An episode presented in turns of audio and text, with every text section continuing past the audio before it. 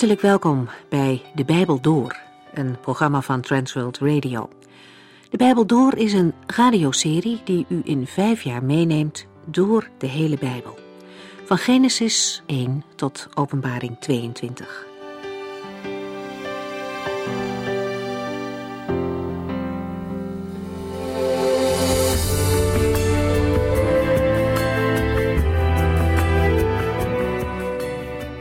Fijn dat u weer luistert.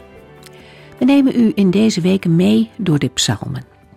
De vorige uitzending ging over psalm 25 en 26. We kijken nog even terug. In psalm 25 valt op dat elk vers begint met een volgende letter van het Hebreeuwse alfabet. Er zijn nog zeven andere alfabetische psalmen, ook wel acrostigon genoemd. Psalm 119 is daarvan het meest bijzonder. Elk van de 22 coupletten begint met een letter en binnen de coupletten beginnen alle acht regels met dezelfde letter. Psalm 25 laat opnieuw zien dat David vertrouwen op de Heere stelt. Dat heeft ook consequenties voor zijn leven. In deze psalm vraagt hij de Heere nadrukkelijk welke weg hij moet gaan. David is een gelovige die in zijn levenswandel God om leiding vraagt en ook wil volgen. Hij wil de Heere steeds beter leren kennen niet zozeer intellectueel, maar wel met zijn hart. Verschillende keren komt in deze psalm Gods weg naar voren. David vraagt als gelovige om die weg beter te mogen leren kennen. En verder laat hij zien dat de Heere zondaren de juiste weg wil laten zien. In de beeldspraak worden zij vergeleken met mensen die dreigen te verdwalen, maar de Heere wijst hun de weg. Hij is daartoe van harte bereid ook spreekt David zijn vertrouwen uit dat de Heere de beste weg weet en ook wil wijzen aan degene die zich in afhankelijkheid tot hem richten. Het geeft de gelovige zekerheid en vastheid dat er iemand is die meer weet en meer overziet en ook kan bepalen wat de goede weg is. De wegen die de Heere wijst worden gekenmerkt door zijn liefdevolle goedheid en waarheid. Psalm 25 wordt verder ook gekenmerkt door een oprecht gebed om vergeving van zonde. En in Psalm 26 staat dan juist de betuiging van de onschuld meer centraal. Wij gaan verder met Psalm 27.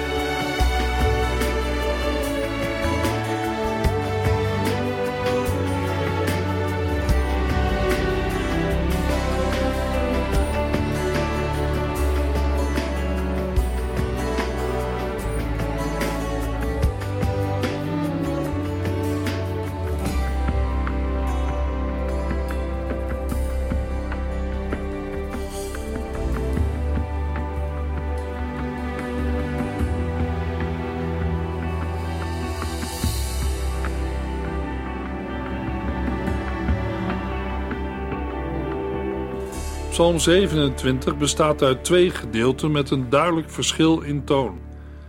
Het eerste deel is een uiting van vertrouwen, waarbij over de Here wordt gesproken in de derde persoon.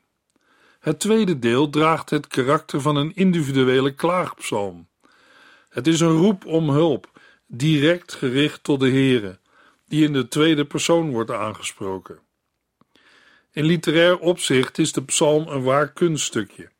Er wordt gebruik gemaakt van verschillende stijlelementen, zoals woordparen in tegengestelde orde, parallelisme, synoniemen, rijmvormen en woordherhalingen. Psalm 27, vers 1.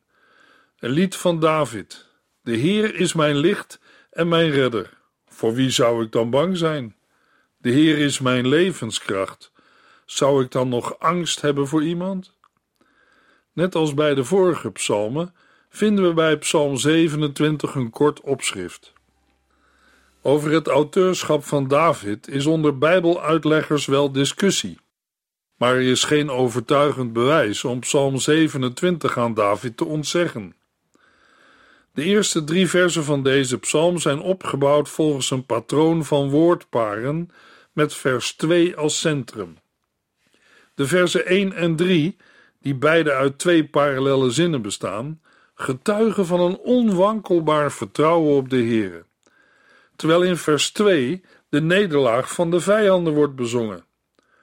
Hoewel uit het vervolg blijkt dat er sprake is van dreiging van vijanden, begint de psalm niet met een bede om hulp. Psalm 27 begint met een krachtige uiting van zekerheid en vertrouwen, waarin David onomwonden stelt dat de Heere zijn licht en zijn redder is. De beide begrippen zijn nauw met elkaar verwant. In het Oude Testament functioneert het beeld van licht vaker in een context waar ook van redding sprake is. In de tweede vershelft wordt vertrouwen op de Heere uitgedragen. Voor wie zou David nog bang moeten zijn? Ondanks de prominente plaats die het heiligdom verder in Psalm 27 inneemt, blijkt uit vers 1 dat de veiligheid niet zozeer aan het heiligdom zelf, maar aan de persoon van de Heer is verbonden. Ook ver van het heiligdom mag een gelovige zich ook beschermd weten in nood of gevaar. Het vertrouwen waarover David zingt, vindt zijn basis in de eerdere momenten waarop de Heere hem redding heeft geschonken. Psalm 27, vers 2. Toen de misdadigers, mijn vijanden, kwamen om mij te vernietigen, zijn ze zelf gestruikeld en gevallen. Weliswaar kwamen de vijanden dreigend op David af, maar door toedoen van de Heere zijn ze zelf, en niet David, gestruikeld en gevallen. Daarom kan hij vol vertrouwen de woorden van vers 3 uitspreken. Al komt een heel leger op mij af, ik word niet bang. Al wordt een oorlog tegen mij gevoerd, ik blijf toch vertrouwen. Psalm 27, vers 4. Ik heb de Heere slechts één ding gevraagd. Daar gaat mijn hele hart naar uit, dat ik mijn hele leven in het huis van de Heere mag blijven om de liefelijkheid van de Heere te kunnen zien en steeds meer over Hem te leren in Zijn tempel. Er is maar één ding dat David de Heere heeft gevraagd, en daar gaat zijn hele hart naar uit, dat hij zijn hele leven mag blijven in het huis van de Heere. Het woordje tempel wordt in andere tekstgedeelten ook wel in verband gebracht met de tabernakel. In de tijd van David was er nog geen tempel alleen de tabernakel. Psalm 27, vers 5. Want wanneer kwade tijden aanbreken, verbergt hij mij in zijn hut. Hij verstopt mij in zijn tent, op een plaats die niemand kent. Hij zet mij hoog op een rots. In vers 5 maakt David in twee parallelle zinnen duidelijk waarom hij juist bij de Here wil zijn. Bij God is een veilige schuilplaats. De Heere plaatst hem hoog op een rots waar hij veilig is, met vaste grond onder de voeten. Psalm 27, vers 6. Daarom kan ik mijn hoofd opheffen. Ik kijk over al mijn vijanden heen. Daarom wil ik hem offers brengen met luid trompetgeschal. Ik wil zingen voor de Heere, psalmen zingen voor hem. Op de veilige plaats van de Heere kan David het hoofd opheffen als teken van overwinning over zijn vijanden die hem bedreigen. Daarom wil David hem offers brengen met luid trompetgeschal. Hij wil voor de Heere zingen en musiceren. Psalm 27, vers 7 en 8. Luister, Heere, hoe ik hardop naar u roep. Wees zo goed mij te antwoorden en geef mij genade. Uzelf laat mijn hart naar u vragen. Ik wil u zoeken, heren. In vers 7 verandert plotseling de toon van de psalm. De uitingen van triomf en veiligheid maken plaats voor hulpgeroep en benauwdheid. Hoezeer de smeekbede nu centraal staat, blijkt al direct uit vers 7, waar David op indringende toon de Heere vraagt naar zijn stem te luisteren als hij roept en hem genade te geven door hem te antwoorden. Van Gods wegen wordt David herinnerd aan het gebod van de Heere om zijn aangezicht te zoeken en dat doet hij ook. Psalm 27 vers 9 Verberg u niet voor mij en stuur mij niet toornig weg. U bent altijd mijn hulp. Laat mij niet in de steek en stoot mij niet van u af, God van mijn heil. David is zich in alle nederigheid bewust van zijn eigen onwaardigheid. Zoals blijkt uit de bede dat de Heere zijn aangezicht niet zal verbergen en David in toorn zal afwijzen en hem verlaten. De Heere heeft immers al eerder uitredding geschonken. Hij is de God die verlossing schenkt. Deze belijdenis brengt David opnieuw tot een uiting van vast vertrouwen. Psalm 27, vers 10. Al zouden mijn vader en moeder mij in de steek laten, de Heere laat mij nooit alleen. David noemt de hypothetische situatie dat zelfs zijn eigen vader en moeder hem in de steek zouden laten.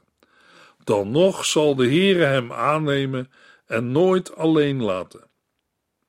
Gelijksoortige woorden lezen we in Jesaja 49, vers 15 en 16. Israël klaagt: De Heere heeft ons verlaten, hij is ons vergeten. Maar de Heere zegt: Nooit kan een moeder haar kleine kind vergeten en niet van haar eigen zoon houden? Ook al zou dat kunnen, dan zou ik u nog niet vergeten. Kijk maar, ik heb uw naam in mijn handpalm gekerfd. De verwoeste muren van Jeruzalem staan mij voortdurend voor ogen. David zingt ervan: De Heere laat mij nooit alleen. Psalm 27, vers 11.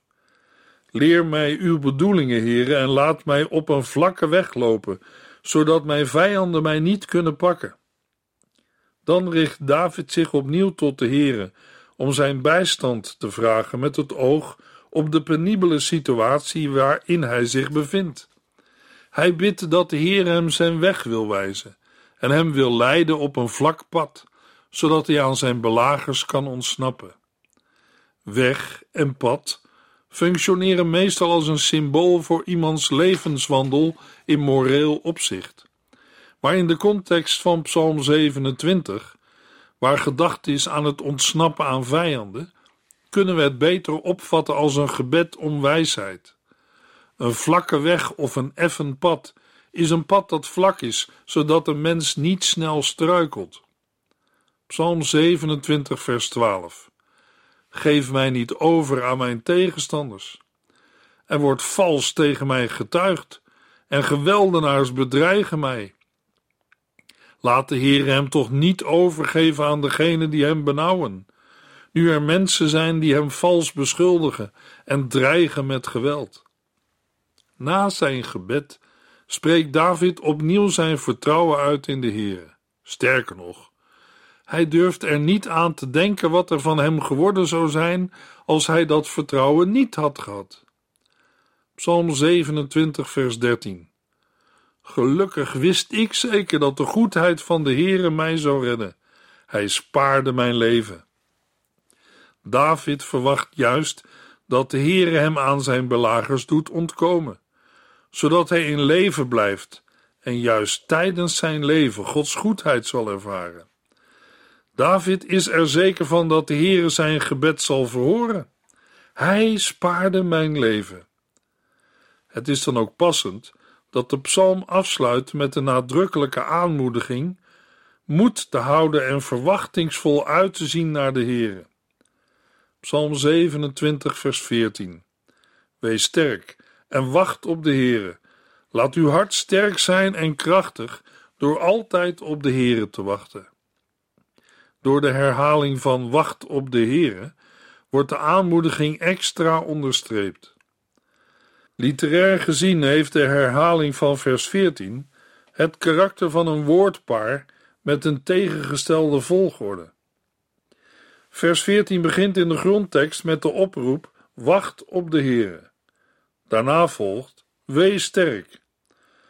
Dan volgen in tegengestelde volgorde de woorden Laat uw hart sterk en krachtig zijn. Deze woorden vormen een woordpaar met wees sterk uit de eerste zin. De laatste woorden zijn weer verbonden met de eerste en klinkt opnieuw: Wacht altijd op de Heere. Zo begint en eindigt Psalm 27 met dezelfde stijlfiguur. Psalm 27 is door de geschiedenis heen velen tot steun geweest vanwege het sterke vertrouwen in en op de Heere, te midden van moeilijke en uitzichtloze situaties.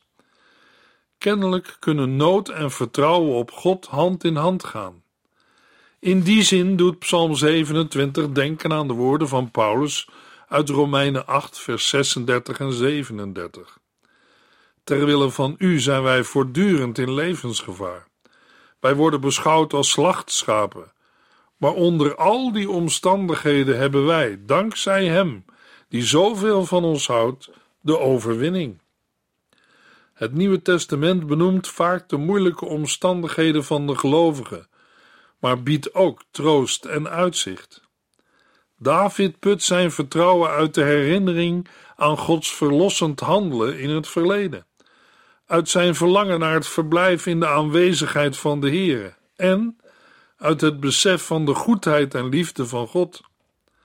Dat de Heere een God is van licht en van levenskracht, vinden we in het Nieuwe Testament vooral terug bij de evangelist Johannes. Tot op de dag van vandaag speelt Psalm 27 een belangrijke rol tijdens de tien onzagwekkende dagen tussen het Joodse nieuwjaar en Grote Verzoendag. Deze dagen staan binnen het Jodendom in het teken van hernieuwde bekering tot God en onderlinge verzoening. Tijdens deze tien dagen wordt Psalm 27 toegevoegd aan de liturgie van het morgen- en avondgebed in de synagoge. Psalm 28, vers 1. Door David. Ik roep naar u, Heere, mijn rots. Keer u niet zonder te spreken van mij af, want als u tegen mij blijft zwijgen, zal ik sterven.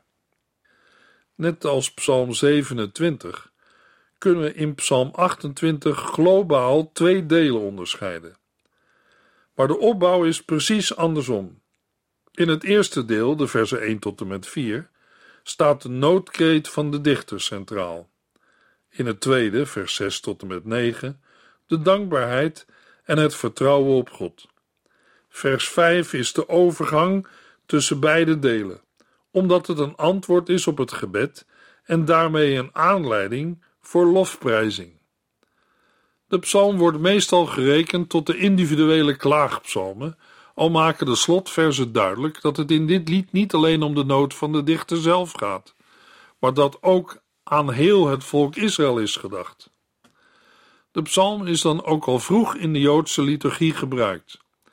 En de specifieke vermelding in de grondtekst van het heilige der heiligen lijkt te veronderstellen dat de dichter zijn gebed uitspreekt in het heiligdom. Omdat in vers 8 over de koning wordt gesproken, rekenen sommige uitleggers Psalm 28 tot de koningspsalmen. Maar deze opvatting gaat voorbij aan de hevige klacht in het begin van de psalm, waarin niet specifiek aan de nood van een koning is gedacht, maar aan een situatie die eerder past bij een gewone Israëliet. In Psalm 28 wordt verschillende keren gebruik gemaakt van herhalingen, zoals luister toch naar mijn smeekbeden en hij heeft mijn smeekbeden gehoord, of juist de tegenstelling zoals hun handelwijze en het werk van de Heere doet. Maar westerse maatstaven gemeten kan een dergelijke terugkeer van dezelfde terminologie worden uitgelegd als armoede. Maar in de opvatting over de poëzie in het oude nabije Oosten werd deze poëtische stijl juist als artistiek beleefd. Psalm 28, vers 2 tot en met 4. Luister toch naar mijn luide smeekbeden. Ik hef mijn handen naar u omhoog in uw heiligdom. Vernietig mij niet samen met de goddelozen of met andere misdadigers. Die spreken wel vriendelijk met anderen, maar in hun hart haten ze hen. Geef hun wat zij verdienen, loon naar werken, vergeld hun naar hun handelwijze. Net als de drie voorgaande psalmen draagt Psalm 28 het opschrift van of door David. Maar opnieuw is de psalm te algemeen van aard om deze te verbinden aan een specifiek moment in Davids leven. Aan het begin van de psalm vinden we een indringend gebed, waarin de wanhoop die de dichter ervaart duidelijk doorklinkt. Hij roept de Heer aan en herkent hem als zijn rots, zijn houvast.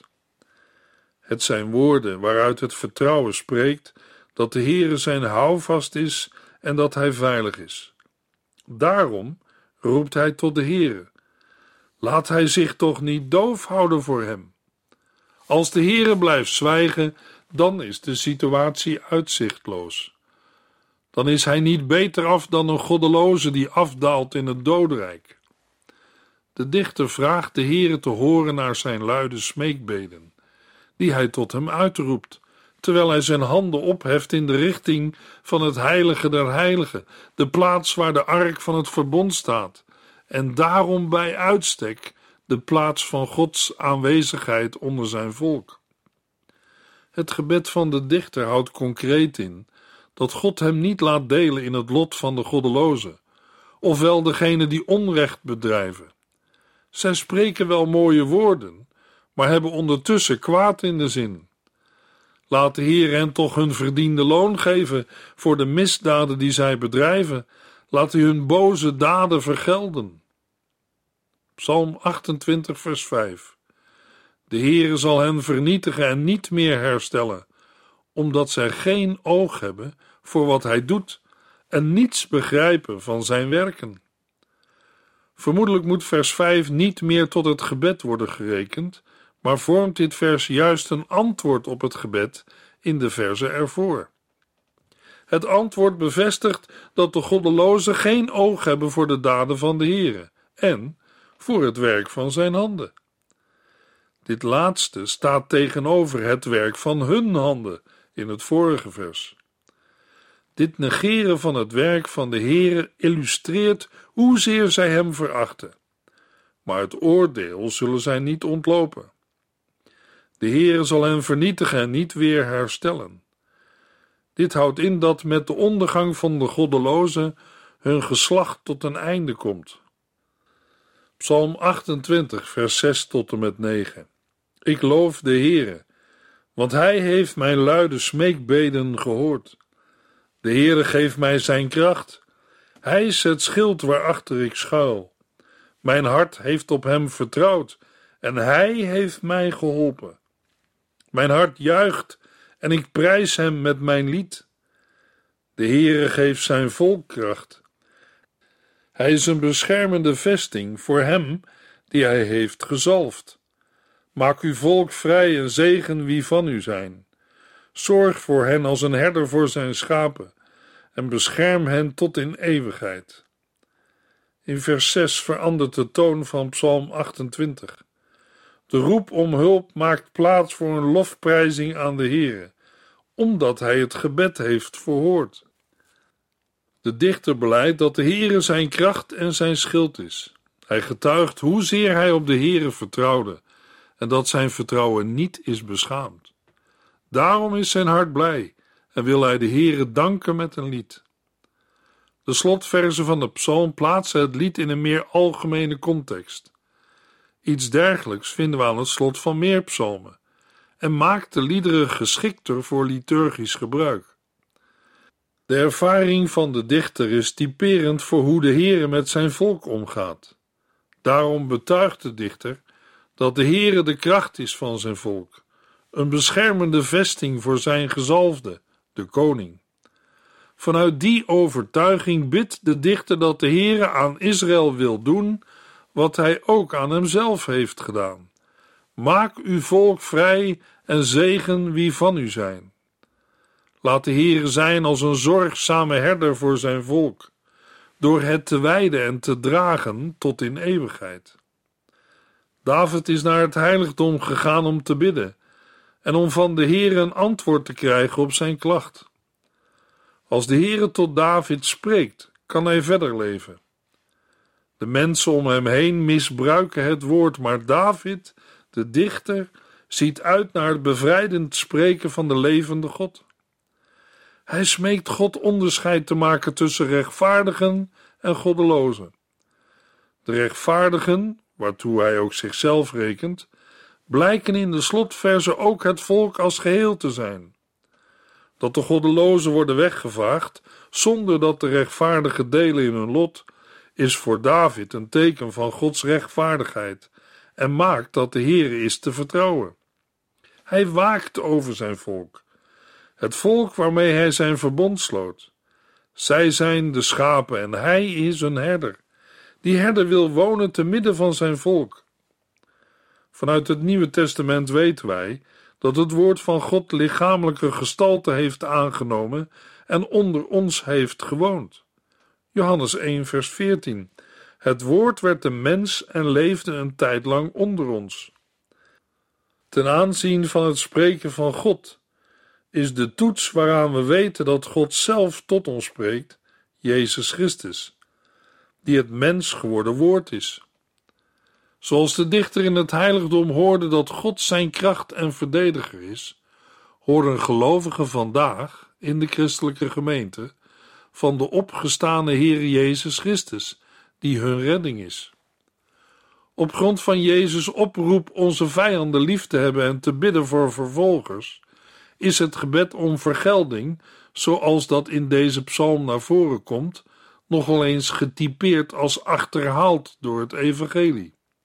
En inderdaad, gelovigen worden opgeroepen het voorbeeld te volgen van Jezus Christus zelf. Hij bad voor degenen die hem kruisigden en gaf zijn leven voor zondaren, zodat zelfs christenvervolgers gewonnen konden worden voor het evangelie. Toch is daarmee niet alles gezegd. Ook in het Nieuwe Testament wordt benadrukt dat de Heere uiteindelijk ieder zal oordelen naar zijn daden, waarbij zij die zich tegen God verzet hebben, hun straf niet zullen ontlopen.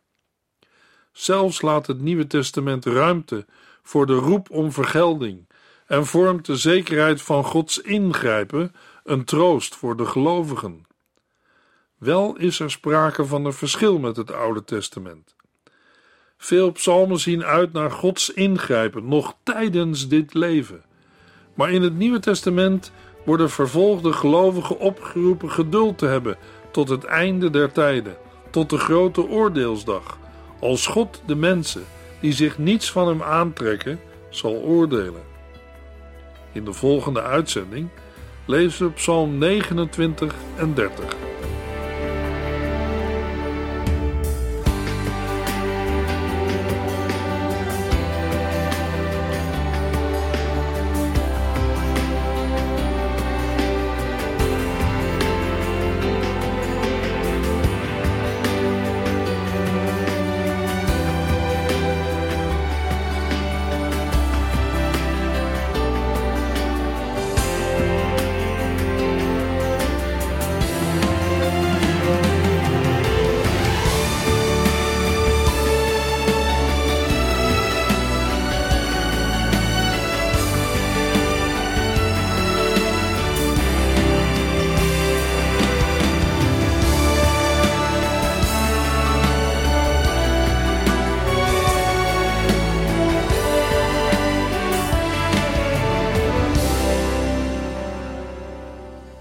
Geluisterd naar De Bijbel Door. In het Nederlands vertaald en bewerkt door Transworld Radio. Een programma waarin we in vijf jaar tijd de hele Bijbel doorgaan.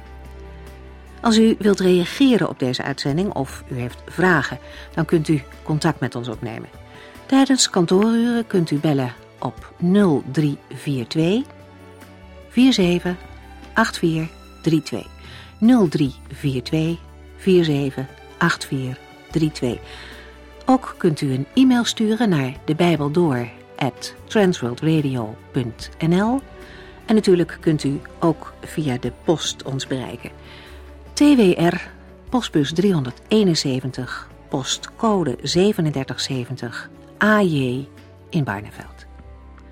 Dit programma werd gepresenteerd door Cor Weda en Ike André. Techniek was in handen van Odin van Woerdekom. En wij allemaal bedanken u voor het luisteren. Graag tot de volgende keer.